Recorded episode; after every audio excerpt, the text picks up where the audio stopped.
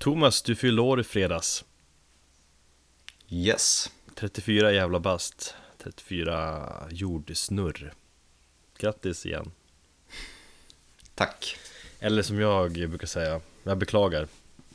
Jag brukar säga det till folk i den här åldern För vi blir ju ett steg närmare döden för varje födelsedag som går. Så vad fan är det att fira egentligen?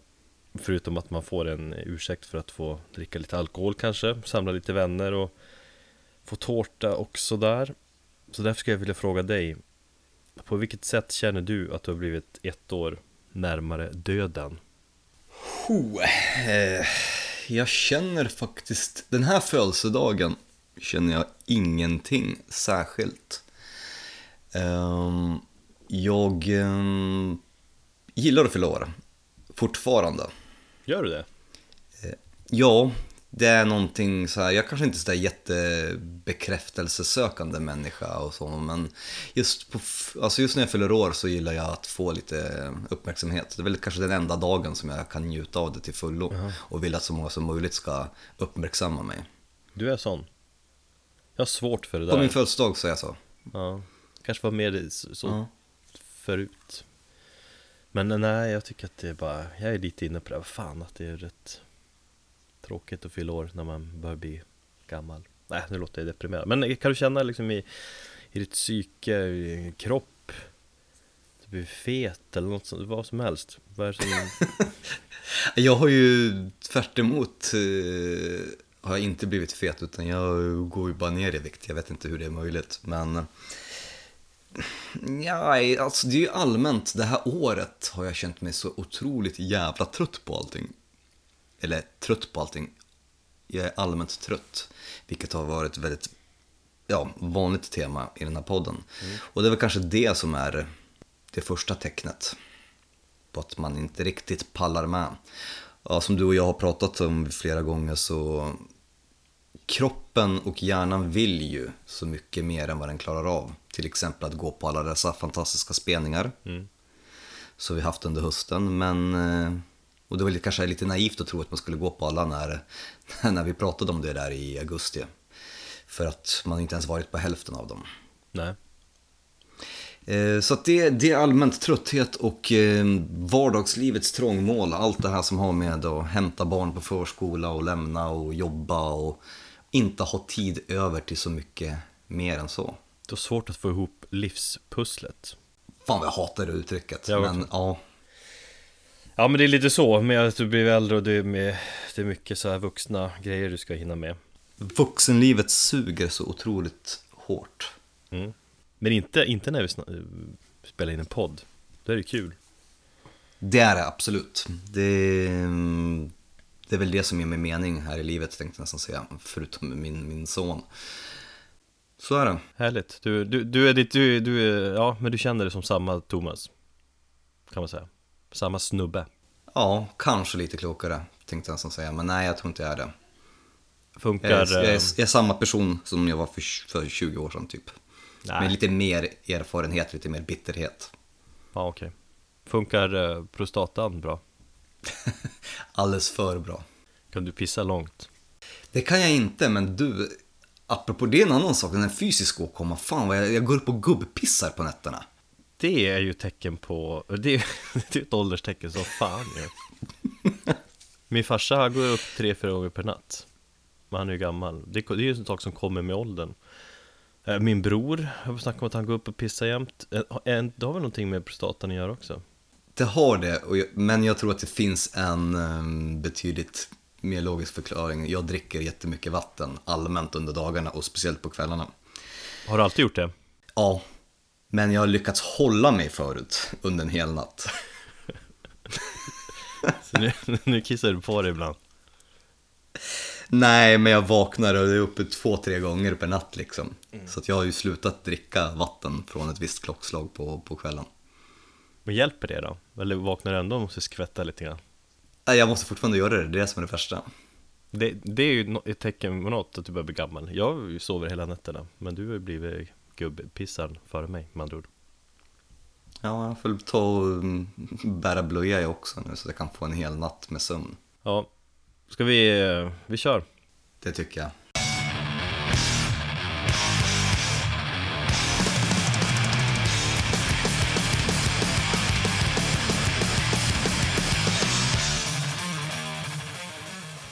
Välkommen till det 28 avsnittet av Metalpodden. Du hade koll på det den här gången? Mm, nu var jag förberedd. Bra. Sveriges enda riktiga renodlade hårdrockspodcast, skulle jag säga. Och vi som driver denna podcast är jag, Erik, och eh, Thomas, min vän och eh, musiknörd. Men eh, håller du med om det? Kan vi säga att vi är Sveriges enda riktiga hårdrockspodcast? Riktigt, riktiga renodlade hårdrockspodcast. Ja, men det är så jag har skrivit i, i vår biografi. Har du? Ja. Har du inte läst den? Vart är den biografin? På hemsidan tänkte du? Ja, som vi ska skicka ut Mm. sen. Ja, nej men då säger vi det. Att vi är det. Att det finns ju några som Andra som berör musik, absolut, och berör rock och så också, men kanske inte lika Kanske inte lika metal, typ De är mer specialiserade Liksom mer på gitarrer och Och sånt där och, och intervjuer och, och den grejen Ja, jag har ju fått höra av eh, rätt många att det är rätt skönt att vi inte har intervjuer. Eh, vilket är ju kul att få höra, givetvis. Eh, nu är det här, inte det här tanken att vara, vi är ju lite unika i det slaget att vi är, ja, pappa metalpodden. Vi har ju ett sidoämne som eh, ligger oss väldigt varmt om hjärtat och det är ju våra barn. Och eh, så på det sättet så är vi kanske inte renodlat metal heller. Men eh, jag tycker att vi har någonting unikt och eh, jag skulle jättegärna vilja ha gäster och det finns ju tanke om det. Men då ska det bli på ett speciellt sätt. Så det kommer inte bli att man sätter sig ner och ställer 20 frågor. Hur tänkte ni under den kreativa processen när ni spelade in senaste skivan? Hur började allting? När plockar du upp gitarren? Nej, nej men exakt, vi har planer på att fixa lite intervjuer framöver vi ska bara få ordning på det tekniska Den tekniska biten och sånt där eh, Vi behöver investera i lite prylar Mm, under 2017 så kommer det kunna röra på sig lite mer. Så att då har ni någonting att se fram emot. Eh, Men annars, jo, vi är väl den enda metalpodden än så länge. Får se om det kommer något copycat. Det hade varit kul Vi kanske lägger grunden för någonting nytt.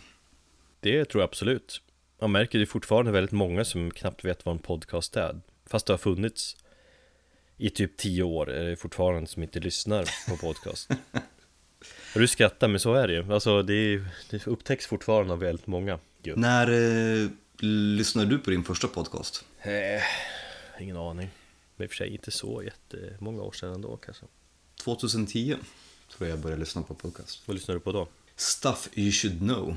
En um, faktapodcast där de tog upp de mest banala grejerna och så förklarar de hur det funkar. Finns den kvar idag? Ja, ja, det, jag tror de, är över, de har gjort över tusen avsnitt. Problemet är, eller problemet, eh, good for them liksom, de är ju sponsrade nu. Men det, alltså det, den här sponsringen den är ju konstant, det är ju reklam. Det är ungefär som en amerikansk serie där reklam var femte minut. Vilket har gjort att jag tappade suget på att lyssna på den.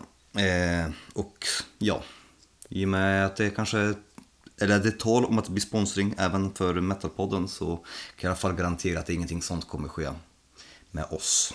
Nej det är något visst med de där amerikanska poddarna också som den första halvtimmen är bara sponsorer och sånt snack Det är jävligt irriterande Kan jag Har känna inte Jamie Justa också en eh, podcast där han typ snackar om sponsorer i en halvtimme? Ja, han tänkte Nej, jag på bland annat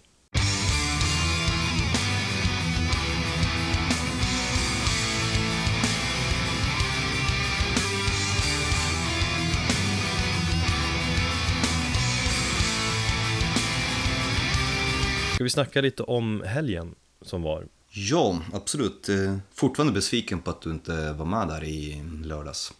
Jo, alltså jag också, men ja, jag, hade, jag, hade en, jag hade en lugn och trevlig helg hemma med brorsan eh, Samtidigt kändes det såklart jobbigt att missa de här konserterna Eller konserten och eh, fest Jag ville ju supa ner dig Och så ville jag hänga vid det här så kallade kukbordet På Bishops på Bellmangatan Eller Bellmansgatan heter gatan?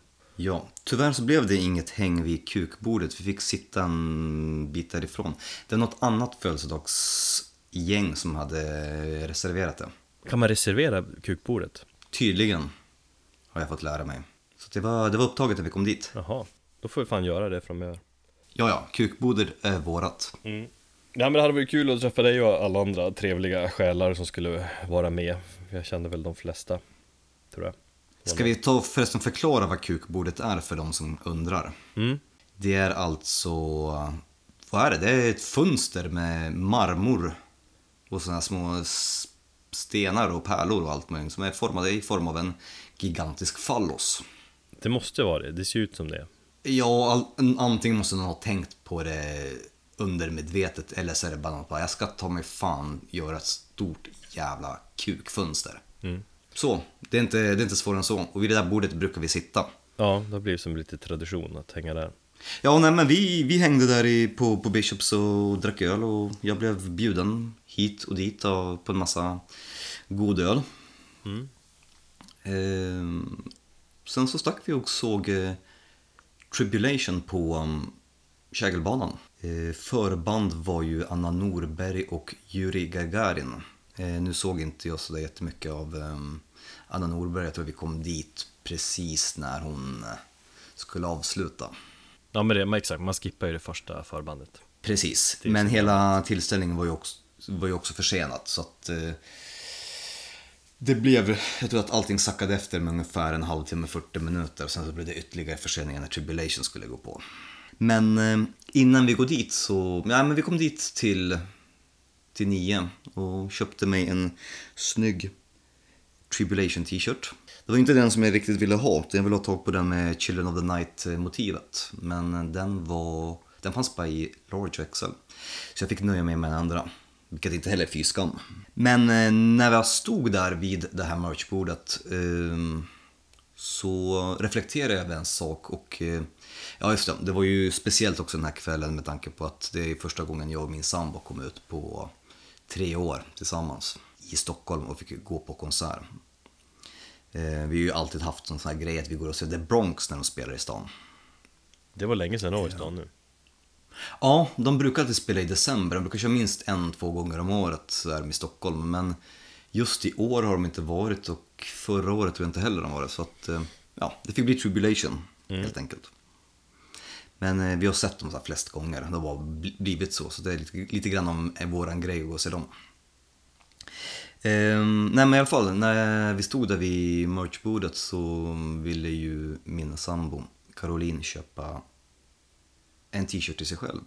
Och det här har faktiskt vi diskuterat, hon och jag, tidigare, är att det är så otroligt dåligt med merch för tjejer. Alltså typiska faktiskt- renodlade tjej-t-shirts tänker du då? Ja, alltså passformen. Ehm, min, min tjej är ju väldigt kort och eh, smal och rak så att hon kan inte ens sätta på sig en smal för en kille för det, hon har inte den passformen. Så att hon är förpassad dels för att köp, köpa kläder och linnen på typ Lindex på barnavdelningen. Alternativt beställa från eh, Ebay i USA där de har lite annorlunda storlekar. Men eh, hon är så jävla missnöjd för att hon lyckas aldrig köpa en band-t-shirt på någon spelning. Men alltså, ja jag förstår. Men jag, jag brukar ofta se när man kollar där merch på sig att det finns ofta sådär girly t-shirt och sådär. Men de, de passar inte för henne, eller? Jo, men så här är det. det. Det är två grejer. Dels att utbudet är dåligt för tjejer. Eh, och dels att det känns som i det här fallet med just Tribulation. Okej, det är en smaksak, men det var den fulaste t-shirten som var en girly t-shirt. Det känns som de lägger minst krut på, på tjejgrejerna. Som de tog det sämsta motivet och kanske den sämsta färgen eller kombinationerna och tryckte upp en girly t-shirt av den. Det gör de väl kanske också för att det är mest snubbar som köper. Eller och snubbar på Visst, spelningar. och visst är det så. Men eh, ett sånt sexigt band som Tribulation trodde jag faktiskt skulle tänka på det lite grann. Då tycker jag till och med Monolord är betydligt bättre. För de har eh, bättre utbud och de har en jävligt snygg, eh, eller de har ett gäng, eller hade ett gäng snygga eh, tjej-t-shirtar. Min, min eh, sambo har faktiskt två Monolord eh, tjej-t-shirtar. Så att ja, de Ja, du ser. Mm.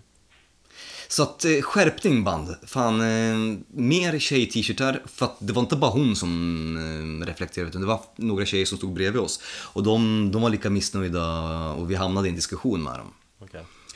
Så det är tydligen eh, rätt vanligt och jag tror säkert att det finns flera tjejer som känner att de inte kan köpa några schyssta eh, band-t-shirtar. Just på grund av att utbudet och passformen åt helvete. Ja, och men visst drar Tribulation ganska mycket tjejer också? Alltså hur stor andel var kvinnor i publiken? Uppskattningsvis Eh, Jag tyckte fortfarande jag bara såg dudes överallt. Men ja, det var kanske betydligt mer tjejer än vad det skulle vara under en Cannibal Corpse-spelning till exempel. Men jag reflekterade inte över mm, antalet sådär. Eh, Men, men absolut, visst, visst, visst fanns det tje- tjejer. Men att göra någon form av beskatt, eller uppskattning, det, det kan jag inte eh, ens försöka mig på.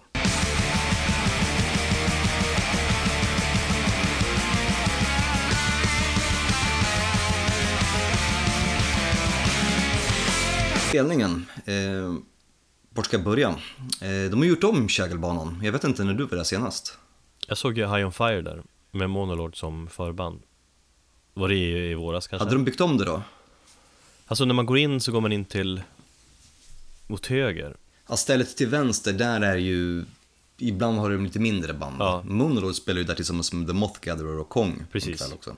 Men det är ganska bra, det är ganska intimt där till höger Det är en liten läktare längst bak Så man kan sitta om man är sån Och sen är det ganska, det är inte så jättestor scen va? Men det, jag minns att det var jävligt bra ljud På High On Fire Så att det, ja, jag är ganska positiv till den scenen Den här läktaren är borttagen.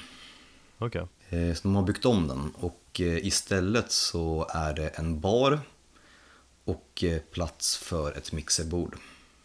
Då ryms det säkert Så lite det- mer folk också Ja, precis. Eh, ljudet eh, kan jag absolut inte klaga på. Jag tyckte det var väldigt bra. Eh, tog en jävla stund att få sin öl i baren. Jag tror det tog 20 minuter för mig att beställa. Och det, jag vet inte riktigt om det var på grund av att det var mycket människor. På grund av att barens läge var placerat på sånt sätt som gjorde att det bara blev en flaskhals.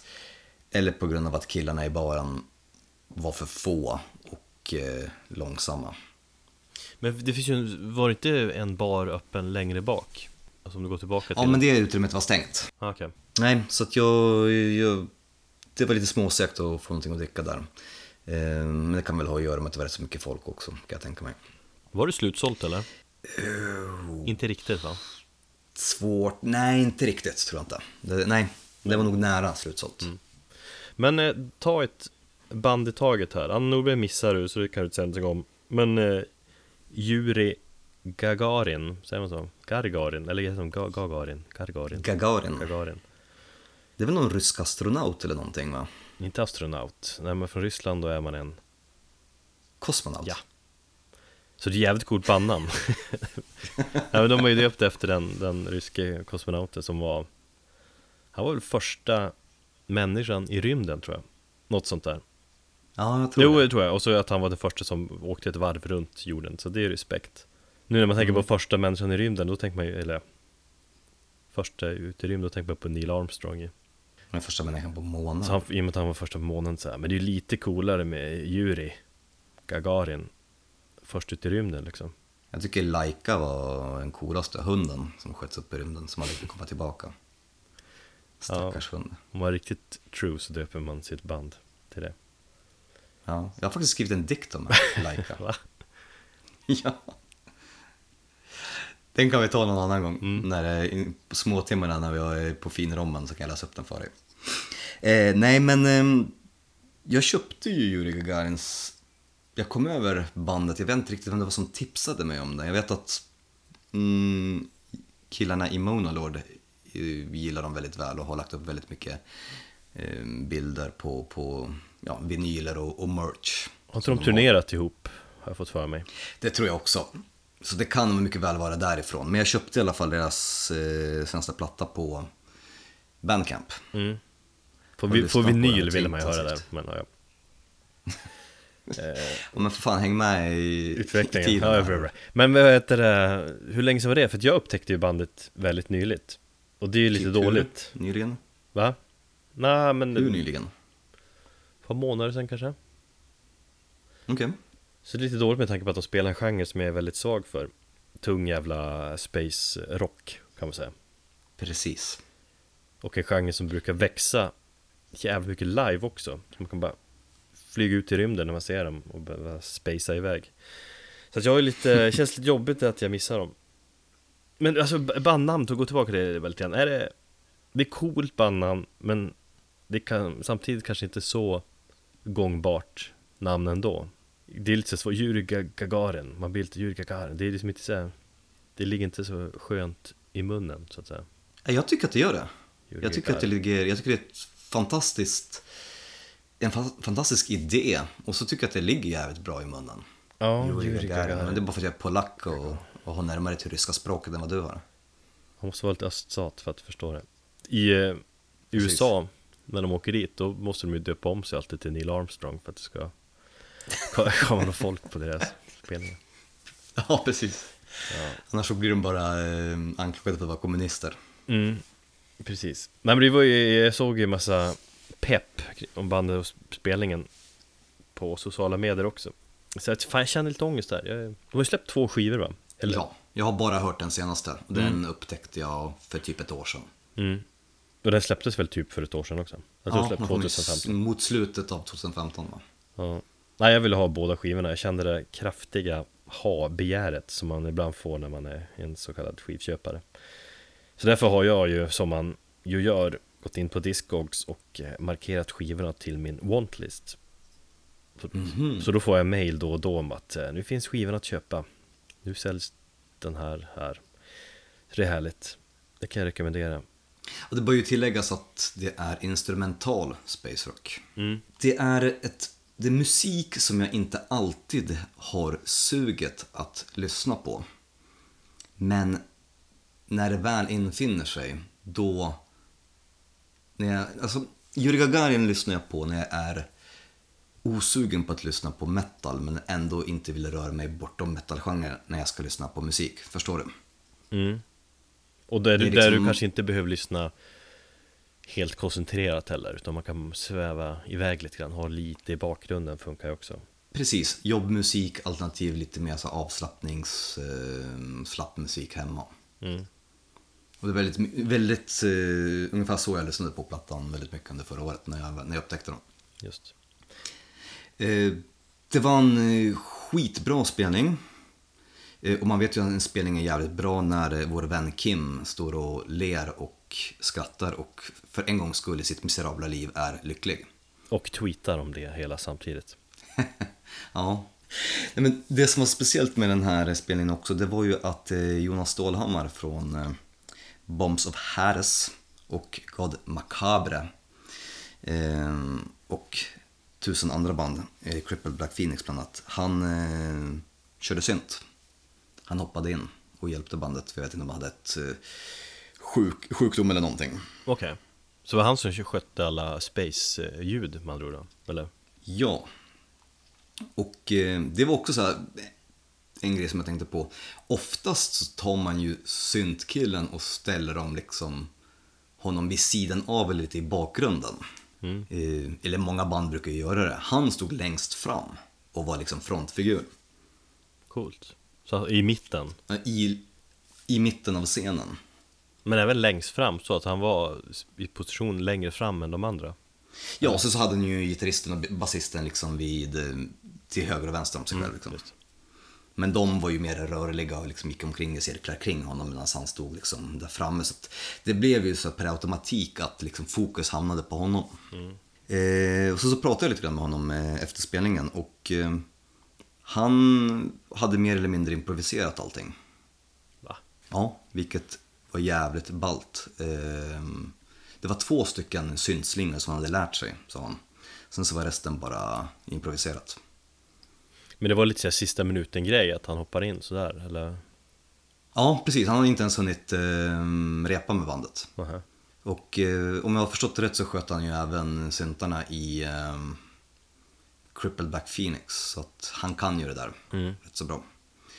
Eh, nej, men det var bara jävligt ballt. Det var energiskt. Det var... Man kom på något sätt... Jag glömde lite grann vardagen på ett sätt som man ibland inte gör när man går på spelning. Utan vet, man vill bara förlora sig själv i musiken. Och jag har ju märkt det, är också en sån grej som jag märkt nu när, när vi snackade om att ja, man blir äldre. Att jag, är väldigt, jag har svårare att slappna av och liksom förlora mig i saker som jag gör. Till exempel gå på en spelning och bara förlora mig i musiken. Då krävs det att musiken ska vara någonting alldeles extra. Eh, och även om jag inte kanske förlorar mig helt och hållet i det här så, så det var så jävla behagligt att lyssna på det. Att det bara liksom, ja men, ja, det var bara otroligt skönt. Enklare än så kan jag inte beskriva det. Men det var ändå liksom hårt och, och, och härligt samtidigt och spacigt och du Ja, absolut. Liksom hårt i, ja, hårt i, i liksom den bemärkelsen som metal blir det utan att vara liksom dödsmetall hårt eller brutalt hårt. Men samtidigt så hade ju de synslingorna som gjorde att det svävade iväg och allting och, och så. Det, det lilla, ja, vad ska jag säga, mm, negativa var ju som sagt att jag var tvungen att gå till baren för att eh, min sambo ville ha öl. Så att jag förlorade lite grann av att liksom se spelningen för jag stod där och höll på att vänta på min jävla öl. Men samtidigt så var musiken så jäkla kraftig så att jag kunde liksom lyssna på den när jag stod med ryggen vänd mot scenen. Fan, jag blir sugen, ännu mer sugen nu Men eh, okej, Mm. skala 1 till 5 betyg på spelningen Det var ganska kort spelning om jag förstod det rätt De fick inte så Eh, mycket ja. eh, tid Nej, eh, en stark fyra. Coolt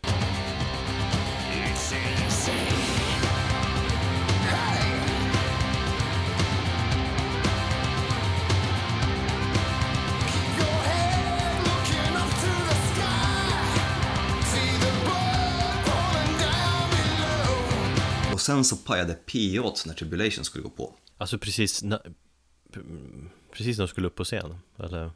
De hann börja med introt till, eh, om det nu var, eh, eh, vad heter det, Strange Gateways Beckon från den senaste skivan. Ja Eh, jag kan ta lite fel där. Eh, och man kände så här, nu liksom börjar stämningen bubbla. Liksom. Det, det, var, det var lite väntetid mellan Yuri Gagarin och eh, Tribulation och så började man bli otålig. Så bara, nu jävlar, nu, nu känner jag peppen komma. Och sen så bara dog det helt plötsligt. Ingen visste riktigt vad som hände. Eh, jag tror att det tog en, kanske en halvtimme, 40 minuter för dem att få igång det. Och till och med bandet var uppe på scen och sa att vi jobbar på det, vi får se vad som händer. Spännande ändå Så det var lite känsla av att det inte skulle Ja. bli av överhuvudtaget Så var det också. Det, jag tror inte ens bandet själva trodde det. Men precis i samma ögonblick som de var uppe på scenen och sa att vi jobbar på problemet så bara några minuter senare så kom det igång. Och det talade inte riktigt till deras fördel för då kände jag att den här peppen som jag hade byggt upp, den hade falnat lite grann. Vilka i bandet var det som snackade? Var det sångaren eller? Sångaren och basisten ja. Så det faller ju lite grann De lever mycket på liksom deras image, atmosfär, att det ska funka Ja, precis. Och inte komma upp eh, och, och ursäkta sig för att man har lite strul med, med tekniken. Precis. Men det, det, det Men- var ju Det var ju första gången du såg Tribulation. Så, ja, jag är jävligt nyfiken på vad du tyckte och om hur Ja, vad du tyckte om hela upplevelsen. Jag tycker att det är ett av Sveriges bästa liveband, i alla fall när jag har sett dem live. Och så ett av Sveriges absolut intressantaste hårdrocksband överhuvudtaget, det är vi väl båda ganska överens om tror jag Jo, eh, absolut. Hur många gånger har du sett dem eh, live? Tre, tror jag Okej, ja. men då har du ju tillräckligt med material att gå tillbaka till och kunna jämföra olika spelningar. mm. Jag börjar med att säga så här, det var bra. Eh, det var inte fantastiskt och eh, det är någonting som saknades så jag kommer till det alldeles strax. Eh, men det var ju dels lite grann den här, ja som sagt, att jag hade dels egna höga förväntningar, dels att peppen Eh, försvann lite grann när det här teknikstrulet eh, kom. Eh, och det faktumet att, eh, jag vet inte riktigt om det, det var, jag snackade med en kille, han sa så här, "Ja, men du, eh, om du, gillar, om du inte gillar Posader så är inte det här bandet för dig. Och då tänkte jag, ja, men vad menar du? Bara, jo men de posar jävligt mycket på scen. Jag bara, men det har jag inga problem med liksom. Men det blev väl nästan, det var lite, lite B-känsla. Fast på ett bra sätt. Eh, De kör ju med den här romantiska, lite mm, skräckfilmsestetiken och den subkulturen är ju lite, har ju lite en, B, en aura av B-skimmer över sig. Så att på något sätt att de gillade att, eh, eller att de fick den auran och i, i musiken, sitt framträdande tyckte jag var lite, lite coolt. Men samtidigt så var det inte lika häftigt som jag hade trott att det skulle vara. Ehm, till exempel ta um, ena gitarristen som här, som, ja, krusskjorta med fladdrande liksom grejer som hängde i armen. Det tyckte jag, nej, det blev lite, lite för mycket Kiss. Okej, nej annars älskar jag ju gitarristerna, alltså vet han Adam Adam Sars. Och Jonathan någonting eh, De två är ju kungar, jag älskar hur de, hur de überposerar med gitarrerna och det som de rör sig lite så här vampyrlikt på scenen Och så är de ju väldigt androgyna i, sitt, sina utseenden också De har ju själv fått frågan om de är tjejer eller killar Så att ja, jag älskar den, den scenshowen Jag skulle nästan behöva se bandet igen innan jag ger- en, ett riktigt omdöme. För att eh, det är så mycket, jag har lite så här konflikt eh, känslor som, som bråkar med varandra när det gäller deras framträdande. Det var bra, jag tycker att det är ett av Sveriges, Sveriges mest intressanta band. Jag tycker att de har någonting helt unikt i eh, förra plattan, eh, The Children of the Night. Eh, så att det här är väl deras är tredje platta va? Eller deras fjärde? Tredje. Tredje Tredje. De har ändå funnits sedan typ 2004-2005 va? Ja, Så de har ju funnits över tio år. Eh, och även om jag tycker att de flesta av deras plattor är bra, det är väl The Horror som jag har kanske lite svårt för, men eh, Formulas of Death tycker jag är en fantastisk platta. den är ju bäst tycker jag faktiskt ändå Ehm, Ja, Det gör det? Ja, nej men jag vet inte, den, det var den jag hittade bandet med Och jag tycker att steget från The Horror till den är så jävla stort liksom Horror är ju mer ren döds liksom sen, Ja. och sen hittar de sig själva med ja, The Formulas of, of Death på något vis Men jag gillar Children of the Night väldigt hit- mycket också Mm, men jag tycker de hittade sig själva, eller det blev mer tydligt vad de är ute efter på The Children of the Night. Och det var egentligen den skivan som fick mig att totalt älska bandet. Jag, jag hade dem liksom i periferin under, eh, under de två första skivorna, men det var ingenting som sa wow. Utan när The Children of the Night kom eh, så då bara älskade det förbehållslöst. Det var ju förra årets näst bästa platta Jag hade den högt också för min del. Men jag kommer inte ihåg vart Mm. mm. Det var bara Mgoa som slog dem. Eh, nej, men jag tycker ändå om man lyssnar på alla plattorna och ställer dem bredvid varandra och lyssnar på dem från, från liksom, i kronologisk ordning så tycker jag att man kan ändå höra en väldigt logisk utveckling. Hur liksom, de har tagit, att de, de letar efter någonting väldigt tydligt. Men de som inte har hittat på första plattan, som de på något sätt är på spåren på andra plattan. Och på tredje plattan så har de hittat det. Och vad som kommer nu på fjärde och framöver ska bli jätteintressant att se för att jag tror inte de har riktigt nått sin fulla potential.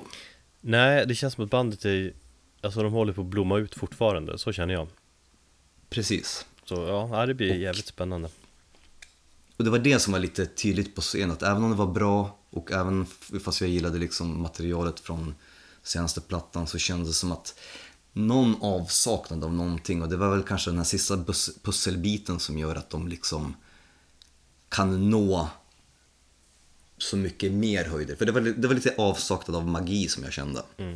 Som kan ha Jag gått absolut- förlorad där i och med allt strul och sånt där, att du tappar det Ja, precis. Det och sen så att jag kanske hade lite fel förväntningar. För att jag har egentligen inget problem med det här androgyna. Jag har inget, inget problem med att den posar. Jag förstår att det är en del av showen. Men eh, ja, som sagt, jag vill bara inte att det ska bli för mycket Kiss av det. För att jag hatar ju Kiss.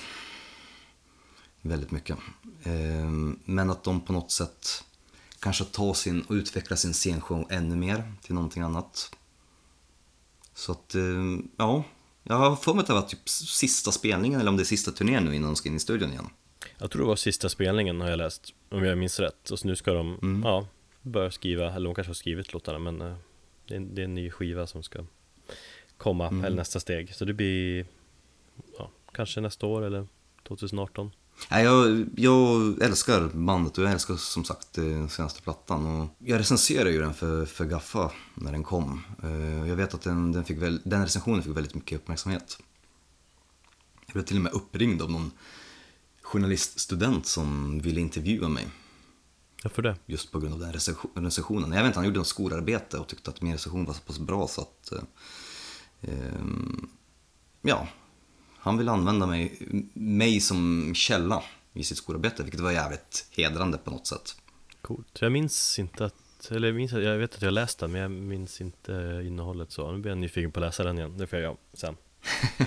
Jag får länka den helt enkelt, eh, om jag nu ska vara så självgod. Eh, nej, men om vi ska bli lite meta här så, jag tog ju i från tårna när jag eh, skrev den recensionen, men jag kan faktiskt på något sätt, jag står för det fortfarande, för att jag eh, jämförde den med eh, Queens A Night at the Opera.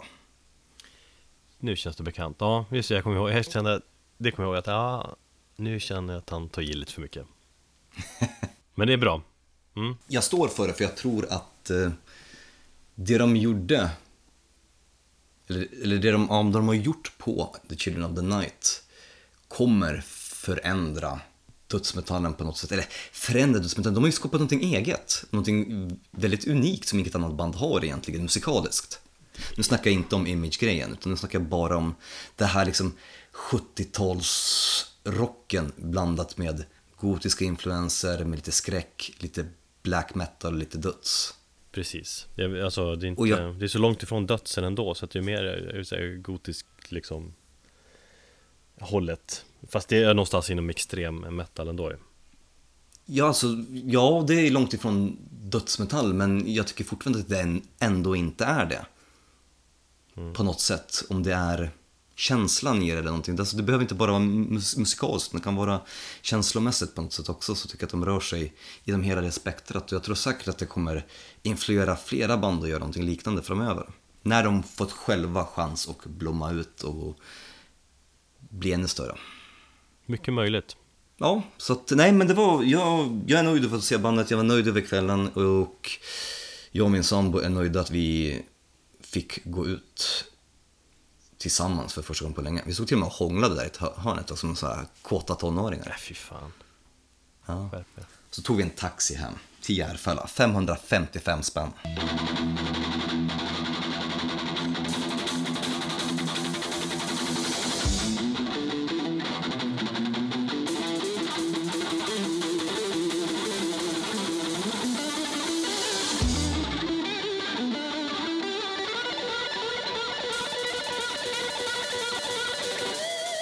Från Tribulation till Domkraft. Domkraft säger jag, domkraft vill jag gärna säga. För att, ja de heter ju domkraft. Fast de spelar ju Doom. Fast det är roligare att säga Domkraft. Så jag vet. Om de spelar Doom. Det är ju snack det. Vill man att de ska heta Domkraft med två O? Eller vill man att de ska heta Domkraft som de heter nu? Men jag gillar ju att de heter Domkraft. Fast de kommer ju, det kom, eller folk kommer, utomlands kommer ju säga Domkraft. Samtidigt kommer folk bara, vadå, varför är det bara ett O? Vad betyder det? Och det är svenskt band, vad betyder, vad är det för häftigt eh, ord? Och så får de slå upp och säga, jaha, jag vet inte vad domkraft heter på engelska men det är lite spännande med svenska. Så jag tyckte det är ett briljant bandnamn, ett av de bästa. Jag tycker också att det är faktiskt briljant bandnamn. Jag gick igång som fan på den eh, självbetitlade EPn som de släppte förra året va? Stämmer. Så jag bokade upp mig på skivan och köpte en t-shirt direkt och Mycket för att jag kände att fan det här bandet har sån Sån jäkla potential och kommer att växa Känner man direkt Och så kan man väl säga att de är med på den här äh, The New Wave of Swe- Swedish äh, Doom Metal på något vis Nej men den här svenska Doom-vågen Finns det en sån våg eller? Nej, men jag tänker på det nu att, eh, att det, Jag tänker på band som Monolord och, och Spelljammer och sådär Att det finns Kanske finns en, en halvtydlig svensk domvåg där Men det gör det. det. Nu när du säger det så, Monolord, Domkraft, Spelljammer, Vokonis. Det finns många fler band som jag inte ens kommer på namnet på nu, men, men som är i den här nya typen av modern Doom. Precis Som jag älskar. Ja, jag älskar också Och det känns som att det kommer komma fler eh, band i eh, kölvattnet, som man säger eh, Bakom de där Mm, och då gäller det också att vara lite mer kritisk. Ja, men det ska man ju vara. Men det är, alla de, de här tre banden som vi nämner nu, alltså Domkraft, Monlord, Spelljammer har ju ändå sina unika sound på vis. Även om alla är jävligt tunga så har de sin egen grej. Ja, Jag fastnade inte riktigt för EPn när den kom. Jag vet att det var eh, lite domfolk i vår närhet som eh, pratade om den. Mm. Eh, men eh, nej, det var ingenting som jag direkt eh, la ner någon större energi på. Eh, men namnet liksom har legat i bakhuvudet så när jag fick höra att de skulle släppa en fullängdare som kommer nu på fredag The End of Electricity. Så, och faktumet att det landade på mitt bord och jag har arbetat lite grann med den plattan på jobbet nu de senaste två, tre veckorna. Så kände jag att det här är någonting som jag måste lyssna med på och någonting som jag ska arbeta med. Så att det är väl lika bra att hugga in i musiken. Och helvete vad jag älskade plattan. Mm. Jag gick igång på den direkt och, och sen dess så har jag, de senaste tre veckorna så har jag lyssnat på den oavbrutet. Ja, du gick igång som satan minns jag. Du skrev meddelandet just Mm. på tyngden och sådär. Eh, Ja, och det finns, nej, vilka jävla riff de har alltså. Mm. Och jävligt mäktigt sound. Alltså den är ju Ja, tung som attan. Jag har ju hört skivan, fast jag tror jag lyssnade igenom den typ två gånger. Jag har framförallt plöjt introspåret The Rift en massa Mm. gånger. Eh, Men som sagt inte lyssnat igenom skivan så mycket, så jag vet, jag vet, jag känner att den kommer att växa betydligt mer. Men jag är ju fast i The Rift. Eh, Jag får lite samma känsla som när jag första gången hörde Tool-låten, eh, vad heter introspåret från Lateralis, lateral, eh, The Grudge. ja, Jag spelade in den på kassett direkt från P3 Rock Där typ 2001 Släpptes den skivan tror jag. Ehm, Hade den i bilen när jag körde till min dåvarande flickvän utanför Övik. Och så tror jag han lyssnade på låten två, tre gånger innan jag var framme så höll jag på sådär. Och lite så håller jag på med The Rift också, jag kör den på repeat. Jag är liksom fast i loopen På något vis i, Med den här låten, jag kommer inte vidare. Men den här låten är så jävla bra den är sjukt bra. Det var egentligen den som jag först ville spela här i podden. Men sen så vann, vann andra låten, eh, fan vad den heter, eh, The Orb någonting va? Meltdown of the Orb Of the Orb, ja. Precis. Eh, nej, men det som slår mig med den skivan, om, eller det bandet, om du jämför med till exempel Monolord. Monolord har ju tyngden, men de är ju lite sävligare, de är lite långsammare. Eh, det finns många delar eller ögonblick på den här plattan som, där de är jävligt snabba och det nästan blir liksom thrashigt. Om du nu har lyckats ta dig förbi det spåret så kommer du ju höra det. Och det har man bland annat på, på Meltdown of the Orb. Ja, jo, men det, alltså det, jag skulle vilja beskriva som mer Om man jämför med, med Monlord och, och Domkraft att dom, Domkraft är mer eh, sludgiga på något vis Mm, ja, ja, jag förstår vad du menar. absolut. Eh, Sludge för mig är väl kanske lite mer åt det här smutsiga, knarkiga hållet. Men ja, det kan mycket väl tänkas vara så. Ja, jag tycker det Så tycker du. Det är bra det. Eh, ja, skitsamma egentligen. Det, det viktigaste är att vi, vi båda diggar musiken för den är så fantastiskt jävla bra. Eh, jag satt och skrev ett ehm, pressinfo om dem. Så jag satt, jag tror jag satt i en vecka och bara för att hitta de rätta orden och kunna beskriva musiken. Och bara var verkligen så, jag vill, jag vill verkligen kunna få ut det här från hjärtat om vad jag själv känner för musiken och för att det ska kunna vara en bra text som, som fångar läsaren. Men jag tyckte jag lyckades rätt så bra där. Ehm, Så Har du den texten framför Det- dig? Jag skulle vilja höra det tyvärr, den eh, ligger på en server på jobbet. Men eh, det kan jag säkert fixa framöver. Mm. Okej då Kan vi inte bara eh, snacka lite om albumtiteln också? The End of Electricity Hur, hur jävla bra den är, alltså hur domig Och liksom på något vis Black Sabbath eh, Skärmig den är också Jag älskar Jag förstår inte riktigt den titeln, om jag ska vara ärlig. Nej men jag tyckte bara är ödesmättad albumtitel. Slut, slutet av, eller man kan tolka det på olika sätt, slutet av elektricitet. Det är ju liksom domedag-känsla i det tycker jag. Ja, Är det någonting jag då ska klaga på är att jag inte riktigt tycker att albumtiteln lirar väl med hur musiken låter eller hur al- albumomslaget ser ut. Albumomslaget är ju fantastiskt. Ja, det är snygga färger. Alltså, bra färger, någonting bara totalt utflippat. Eh, Nu har ju inte jag haft den möjligheten att öppna eh, vinylen och se hur artworken ser där ut. Så det får du visa för mig sen Erik.